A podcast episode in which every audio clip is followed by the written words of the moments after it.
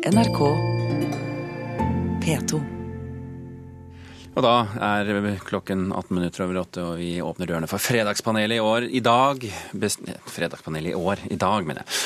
Karen Kristine Blågestad sitter i Kristiansand eh, og snakker med oss derfra. Kulturredaktør i Fedrelandsvennen. Her i studio har jeg Bjørgulf Vinje Borgundvåg, kommunikasjonssjef i Norsk Lektorlag, og Katrine Aspås, journalist og forfatter. Velkommen, alle tre.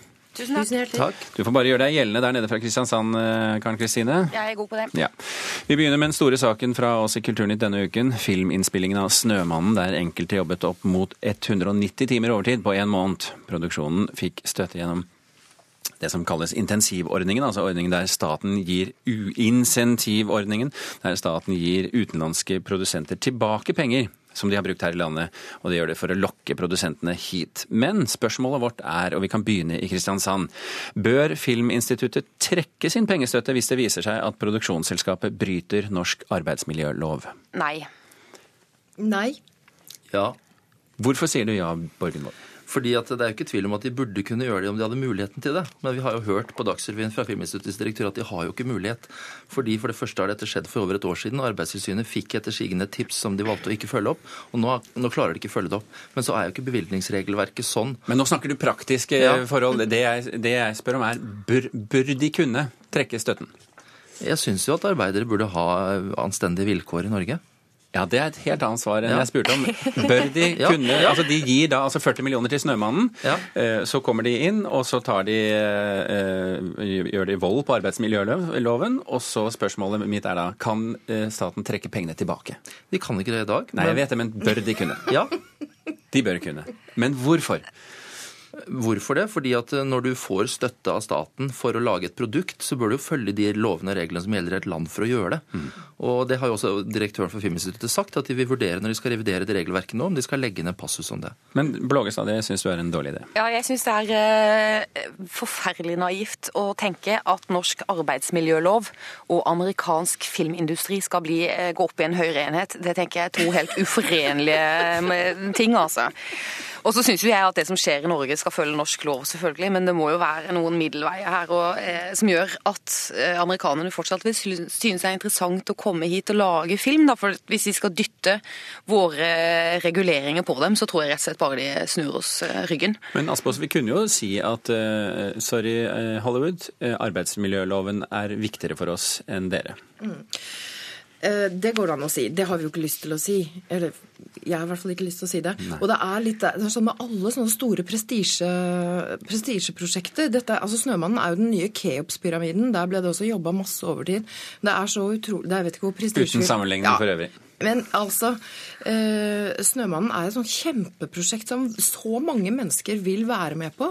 De er jo villige til å jobbe døgnet rundt, også helt til de stuper, selvfølgelig. Og vi, det er jo som når vi kommer hit til Fredagspanelet, vi er jo villige til å stå opp midt på natta for å komme hit. Nærmest i Otta. Nærmest i Otta, fordi at det er så utrolig Og får vi betalt for det? Nei. Nei da. Og nå er det Kun velvilje. Men det, men det er klart det at vi, vi kan godt eh, stramme opp dette regelverket. Vi kan godt være klarere på det til neste gang vi inviterer Hollywood inn. Stramme opp, mener du egentlig løse opp? Vil, eh, vil, vil, bør vi egentlig løse det opp? Er det det som Nei. er poenget? Eh, Bør vi gjøre det til, tilpasse det bedre Hollywood?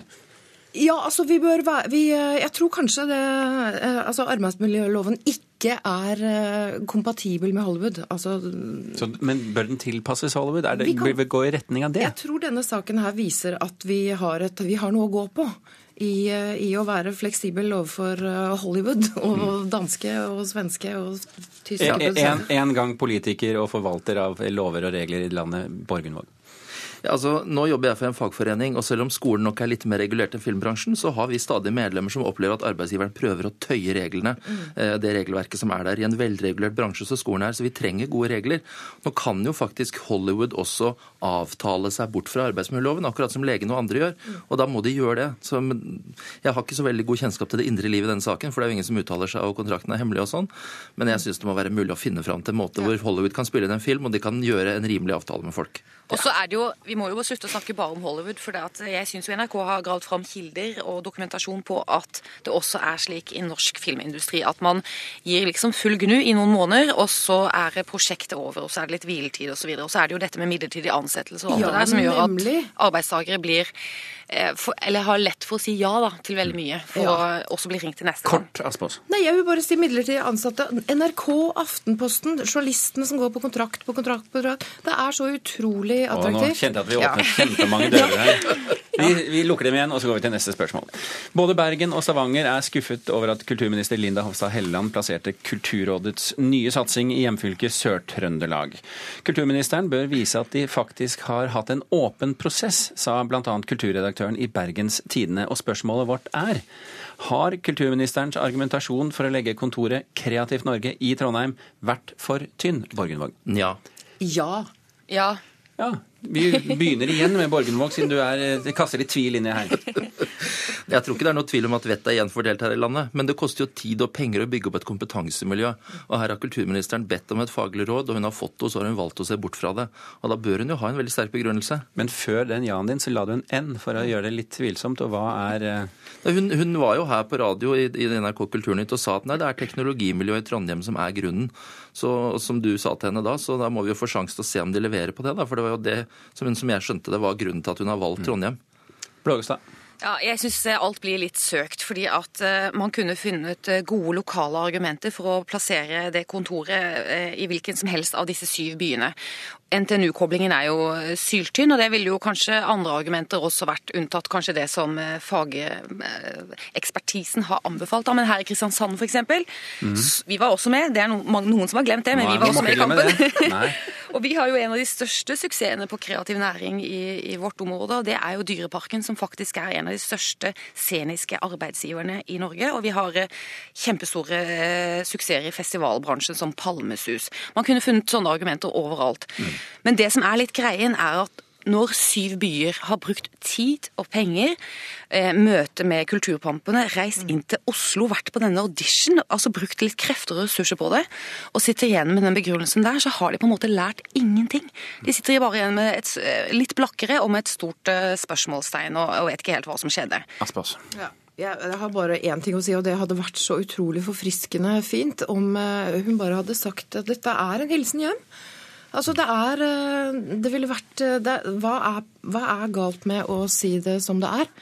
Fordi eh, hun har liksom Så, som, vi gått imot antar, kultur... som du antar at det er, mener du? Ja, altså som det, det er så tydelig, så det blir sånn litt sånn Det er litt sånn kleint å se på en som bruker veldig tynne argumenter, da. Og det er veldig enig, så det er konstruksjon med NTNU. er så vondt å se på. Ja, kleint.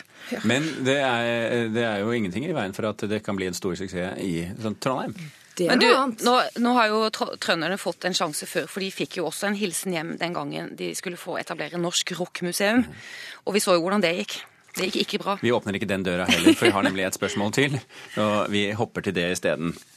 Nordmenn ligger på europatoppen i det som kalles serieutroskap.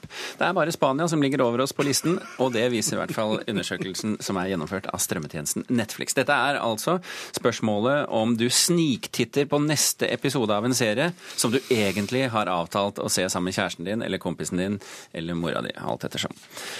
Spørsmålet vårt er er det egentlig utroskap, Borgen Våg? Overhodet ikke. Aspås? Uh, nei. Det er mest komisk. Også Blågestad. Ja, jeg, dette er utroskap, og jeg vil påstå at det er av den alvorlige sorten. Ok, hva mener du? Nei, dette er jo, ikke sant, Man setter seg ned med sin kjære, skal følge med på en serie, dyrke fellesskapet, samværet, drikke litt vin til, eh, ha en rolig kveld, prate litt om løst og fast. Det er en sånn veldig kvalitetsstund da, i veldig mange parforhold, tenker jeg.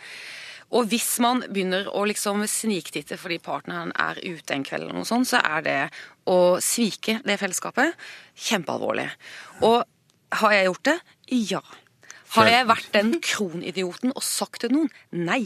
Det har jeg ikke gjort. Hadde du dårlig samvittighet? Eh, litt. Borgenvåg, sånn er det ikke hjemme hos dere.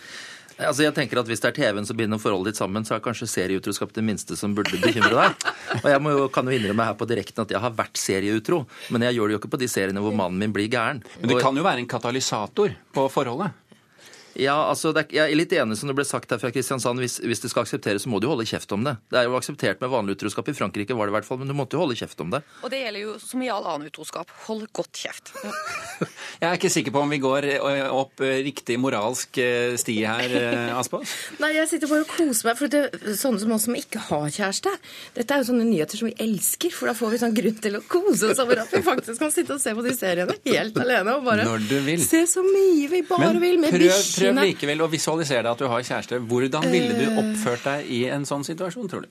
Oh, jeg, ville, jeg, jeg, tror jeg ville jeg tror jeg ville gått på en Helleland og sagt at dette er uh, eh, NTNUs Nei, altså jeg ville, jeg ville nok ikke sagt uh, noe. Men altså, jeg tror ikke det, altså. Men i det post-NRK-monopolske samfunn så er det jo blitt litt sånn mine, dine og våre serier. Og jeg slipper unna med en episode Big Bang Theory, men hvis jeg prøver meg på Kampen om tungtvannet eller The Crown, da tror jeg jeg får litt mer problemer. Ja, for det er det som er trikset, ikke sant. Man må se noe sammen, og så må man ha sine litt sånn egne små stier som man kan se på uh, alene. Hva er nytten av det? Nei, sånn at man kan uh, slippe å sitte og kjede seg, eller gud forby lese bok uh, når man er ja. alene hjemme.